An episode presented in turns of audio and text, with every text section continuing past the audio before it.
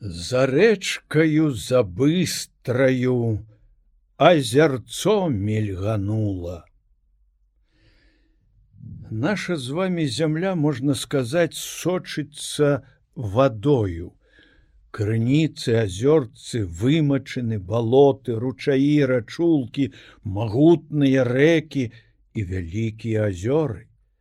Мая карта рэка на ёй памечаны толькі рэкі даўжэйшыя за 5 кіламетраў, вся пранізана сінімі жылкамі, Мабыць, гусцей, чым плод чалавечыя капілярамі. Такіх рэк на Беларусі 2900. Усе рэкі Беларусі належаць да басейнаў двух мораў чорнага і балтыйскага. Басейн балтыйскага гэта сістэмы нёма на заходняй дзвіны, буга і ловаці. Басейн чорнага, сістэма дняпра з бярэзінай сожам прыпяццю і іншымі больш дробнымі рэкамі. Рэкі за выключэннем некаторых плывуць па раўнінах і таму павольныя.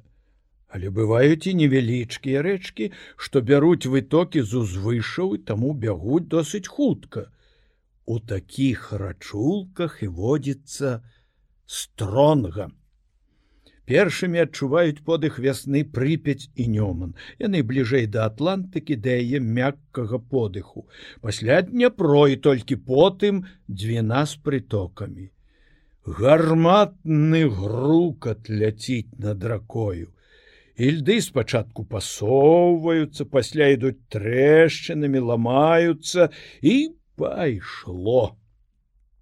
Крыгі грувасцяцца адна на адну, Окамгненна ўзнікаюць і так жа хутка бурацца ледзяныя замкі, вежы, валы. Ледзяныя гмахі рвуць берагі, калоцяць іх, рацэ досыць ледзянога прыгону. Яна хоча дыхаць, вольна каціць свае празрыстыя воды, без перашкод адбіваць у сабе сіняе неба і сліпуча белыя веснія аблокі і жаўрукоў, што трапечуць прывязаныя да гэтых аблокаў нябачнаю гумкай. У сярэднім на пачатку красавіка рэкі ўжо чыстыя. Пачынаецца повень. Цягнецца яна два месяцы з чымсьці, а на прыпяці часам больш за тры. Мы ўжо гаварылі аб разліве на прыпяці і плывучых кірмашах. Што дзіўнага шырыня вады бывае там у 30 і болей кіламетраў. Але і дняпро у повень бывае нішто сабе. Разліваецца ў некаторых месцах кіламетраў на 10. Дед мой сам бачыў, як такі разліў нёс на сабе вялікую драўляную капліцу. Так стаймя і нёс, бо стаяла відаць у нізіне, а таму на драўляным памосце, які замяніў плыт. Просто хоць ты прывозь папа, стаў свечкі і пачынай малебен тут жа на вадзе. Суровае неба. Незавы ветер развёў на амаль чорнай вадзе дняпра высокі ў рост чалавека хвалі.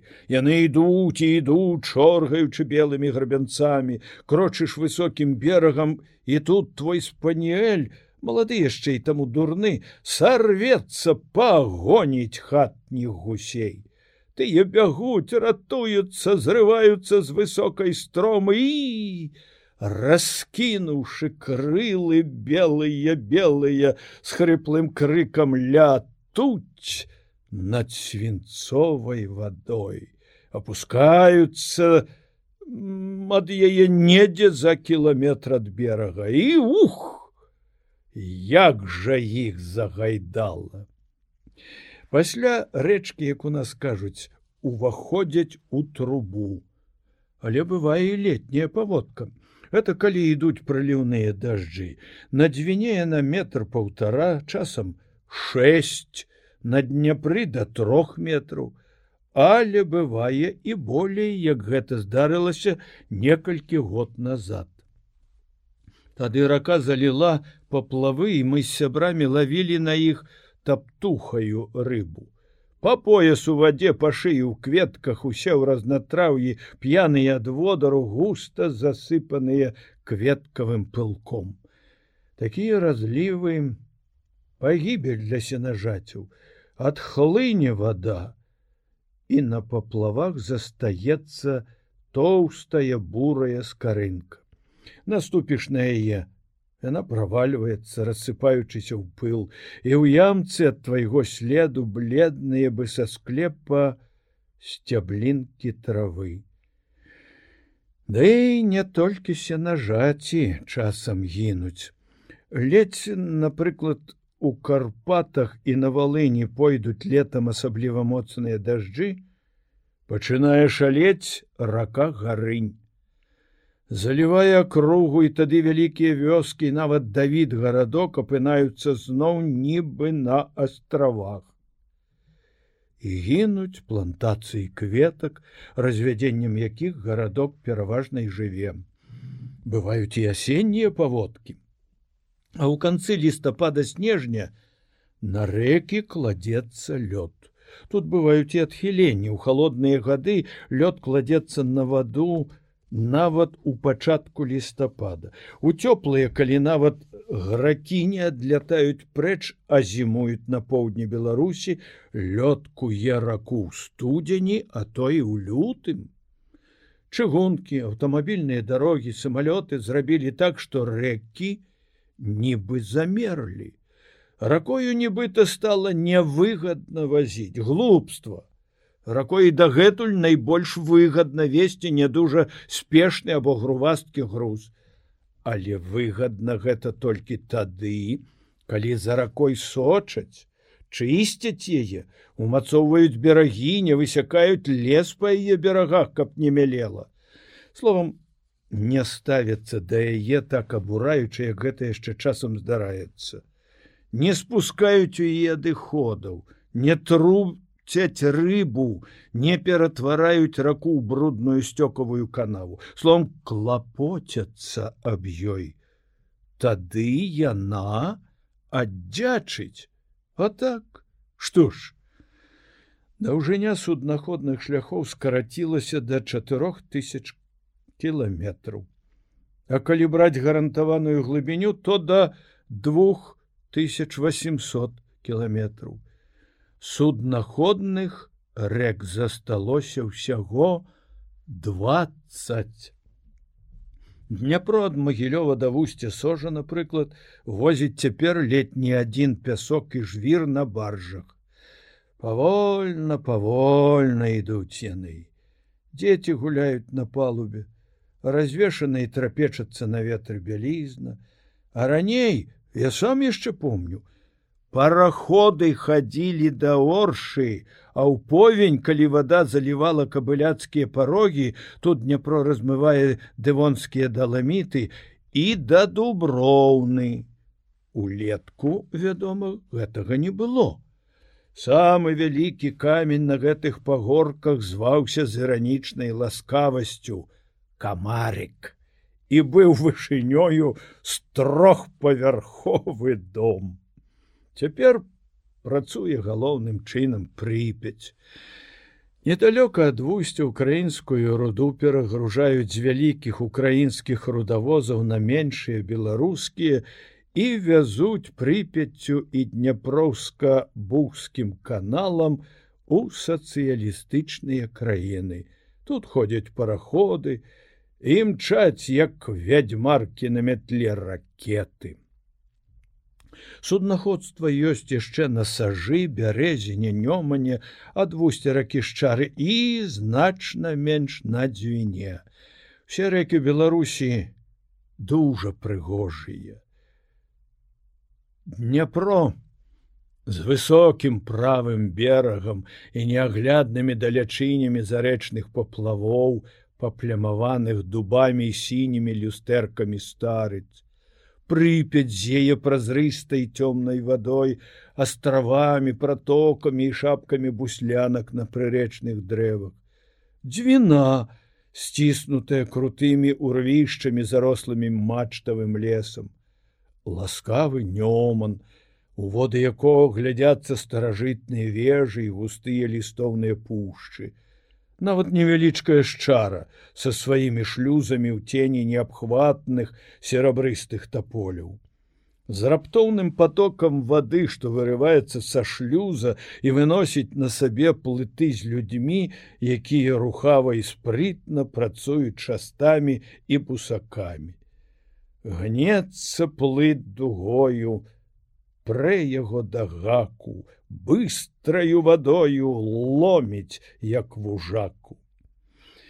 Многія рэкі злучаны каналамі, дняпроўска-бухскім, бярэзінскім злучае бярозу раку з прытокамі дзвіны улай аўгустоўскім злучае нёман з бабром ракою басейна віслы агінскі звязвае прыток прыпядзі ясельду з прытокам нёмана з чарай на жаль дзейнічае толькі адзін дняпроўска-бухскі.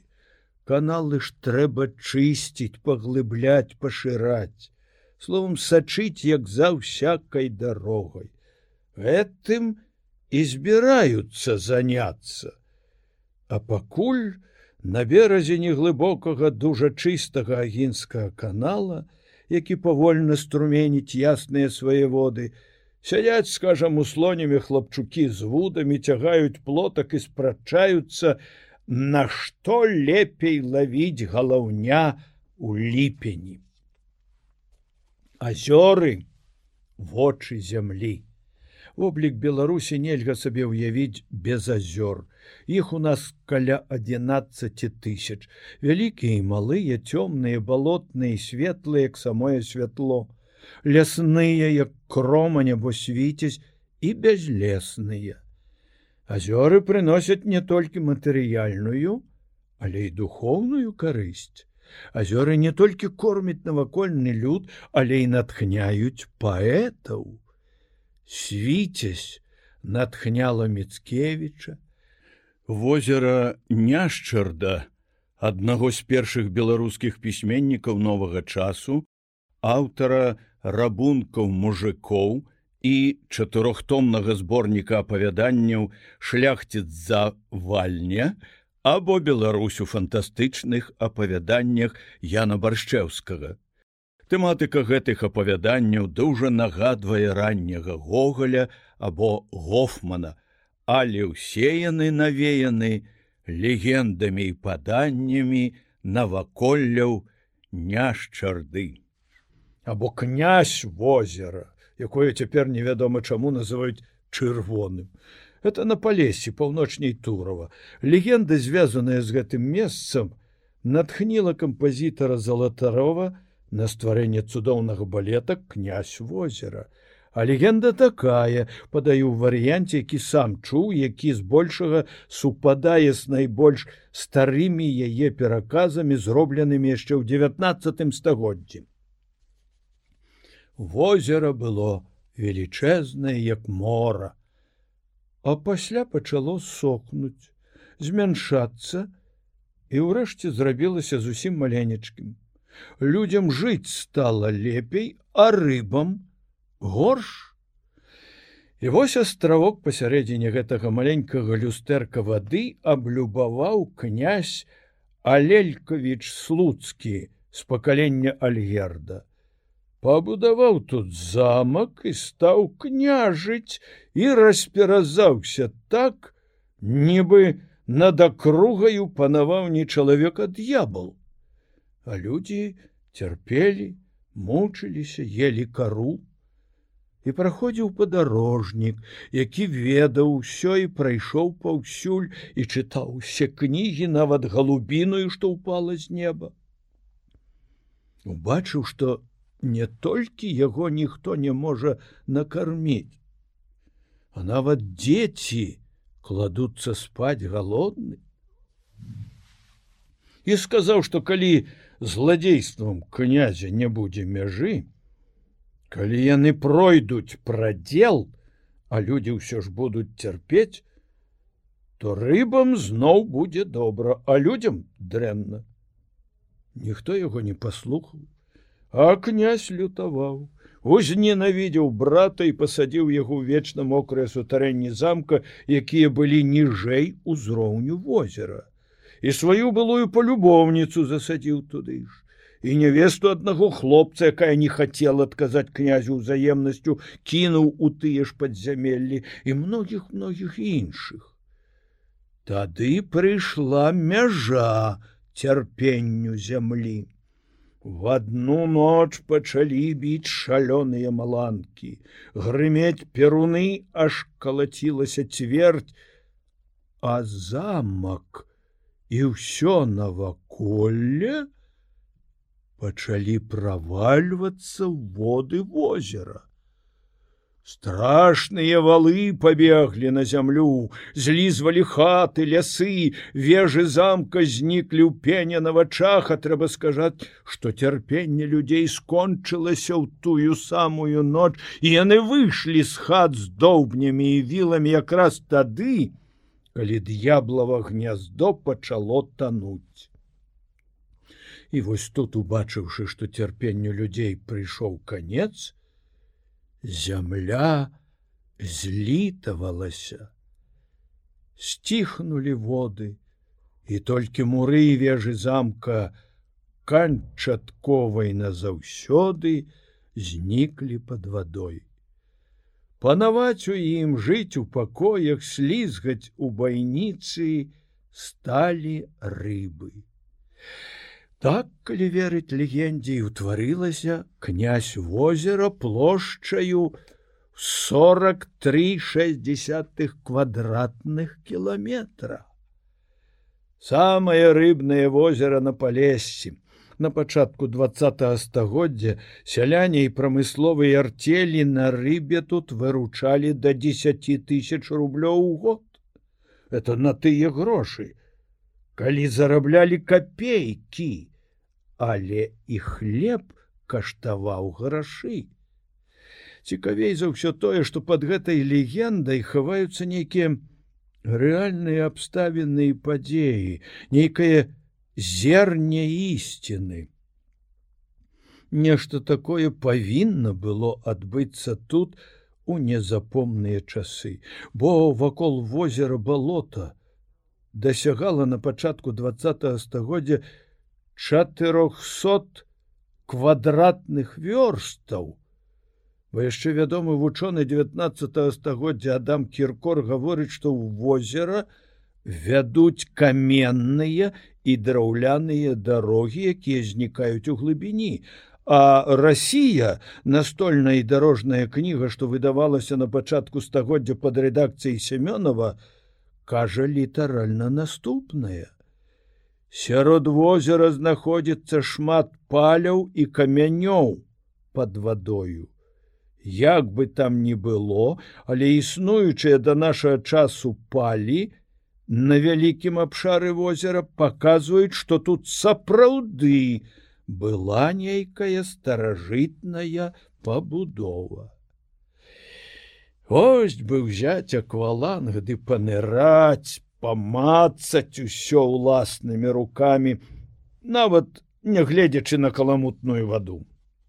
І такое можна расказаць летні аб кожным возеры. Ад самага дробнага да самага буйнога нарачы. Даўжыня 13 кіламетраў глыбіня месцамі больш за 20 метраў з яго чысцейшай, цалюшчаю вадою. Это не перабольшання праўда. Вада на рачанскіх крыніц лечыць. У нарачы, як і ў іншых азёрах і рэках балтыйскага басейна ад брэста да свеі водзіцца розная рыба, але найбольш цікавае, вядома, вугор доўгі, змеепадобны тоўсты. Ён не проста адна з самых смачных нашых рыб, але і самая незвычайная. Ён можа прапаўсці невялікую адлегласць ад вадаёма да вадаёма, а сяляне і рыбакі з тых мясцін, дзе ён водзіцца, дружна расказваюць, што ў дужа росныя месячныя ночы вугор выпаўзае на палі есці гарох. калі прыходзіць час класці ікру, Вугор плыве са свайго возера ці рэчкі ў вялікую раку, пасля ў балтыку, адтуль в атлантычны акіян і ўрэшце дасягае змрочных глыбінь саргасава мора. Менавіта там з ікры выводзяцца лічынкі, спачатку зусім празрысты і плывуць назад, на радзіму. Некаторую частку дарогі яны робяць з гальстрымам. Шлях цягнецца многія месяцы, вугры сталеюць.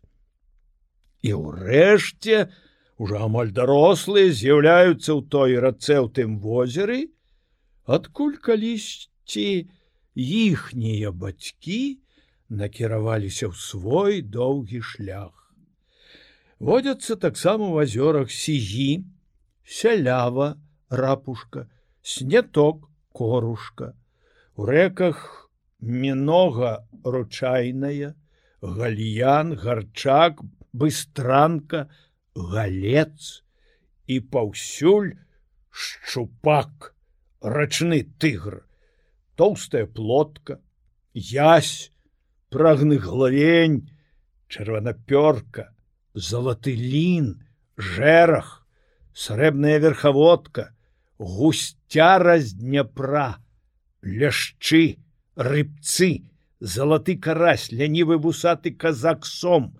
чорна-ліловы ментуз, судак, акунь і задзіра ёрш, якія добра манціруюцца з юшкай. Я ўжо не кажу пра непрамысловых ельца вярхоўку нахабнага печкура, які нават за пальцы ног пакусвае, калі водзіш, стоячы ў рэдцы шчыпоўку, таго ж у юнаці пад каменшчыка. Ёсць таксама стронга, Харыюс, падусты, вусачы, а ў дняпры, акрамя таго, выраз зубы, сцерлядзі і асятры э, дужа рэдка Ды хіба ўсіх аж да ласося і кумжы пералічыш рыбалоўства на беларусі існавала спрадвечным пры раскопцы старажытных стаянак чалавека часто знаходзяць рыбіны косткі касцяныя пасля металічныя кручкі прычым лавілі не толькі з берага самому старому чаўну знойдзенаму на беларусі. Ён зараз у пінскім музеі. Сем тысяч год. Гэта яшчэ новы каменны век неаліт як човен збярогся ну па-першае дуб толькі мацнее ад вады а по-другое човен трапіў у тарфянік які закансерваваў яго За рыбалоўствам часта бываюць кур'ёзы. Адзін мой знаёмы знайшоў аднойчы ў глеі стары самовы кручок. Выкінулі, відаць, за непатрэбнасцю, бо такіх самоў цяпер, мабыць, няма. Кручок быў таўшчынёю ў палец і даўжынёю сантыметраў каля 30. Калісьці, на такі насаджвалі цэлую абскубаную качку і кідалі ў вір, дзе запрыкмецілі сома гіганта. Дзівіцца тут няма чаго, нават меншыя самы цягаюць качак, а сярод іх самоў, а не качак бывалі волаты. В 16 стагоддзі ля полацка быў злоўлены сом вагою 15 пудоў. Ды і мой бацька расказваў, што калі ён быў маладым чалавекам у дняпры ля оршы злавілі васьміпудовага сома. Калі яго ўзважылі, спецыяльна быў запрошаны натарыус, які склаў з гэтага выпадку акт натарыяльна засведчыў такое дзіва. Бацька бачыў тую рыбу. Сом быў амаль чорны, і не столькі ад старасці, колькі ад таго, што на ім сям там аж дробныя ракушки пасяліліся. Увесь быў не быў тванем. Ловяць рыбу ўсе. Нават беспарточная пяхота, ледь навучыўшыся бегаць, сядзіць уже недзе на беразе пратокі з прутом у руках і ловіць печкуроў. Пасля прыходзіць чарга таптухі, сапраўднай дарослай вуды, а часам і спінінга. Ставіць таксама вершы. Нераты брэдні плывуны зараз э, жыхарамі не прымяняюцца. Па-першае, забарона, а па-другое, самі бачаць, што рыбы стала менш. Умелы спаймае і вудай, хаця і сказана. Хоць праўда, хлеб ядуць з вуды, але не ўсе і не заўсюды. Таму старымі невадамі цяпер абцягваюць паверсе плот, каб куры ў гарод не заляталі. Сецямі ловяць цяпер галоўным чынам арцелі неваднічых і рыбалавецкія вёскі на вялікіх азёрах. Там існуюць звычайна аз рыб газы. Пры многіх азёр на рыбалавецкіх гаспадарках ёсць свае заводзікі, якія соляць, сушаць, вэндзяць рыбу, робяць дзе кансервы. Это нарачанскі рыбгас, лепельскі, лукомльскі, жыткавіцкі і іншыя. Ёсць яны і на рэках, у віцебску, полацку, гродні, брэсце, пінску, мазыры, бабруйску, гомелі. Дужа распаўсюджаны, сажалкавыя гаспадаркі. Разводзяць карпа сазана карася. Весело глядзець як аранжавымі вечарамі у люстраных сажалках дзе-небудзь ля волмы ракі сплёскваюць вялізныя рыбы і чырвонае сонца на імганення загараецца на іхняй лусце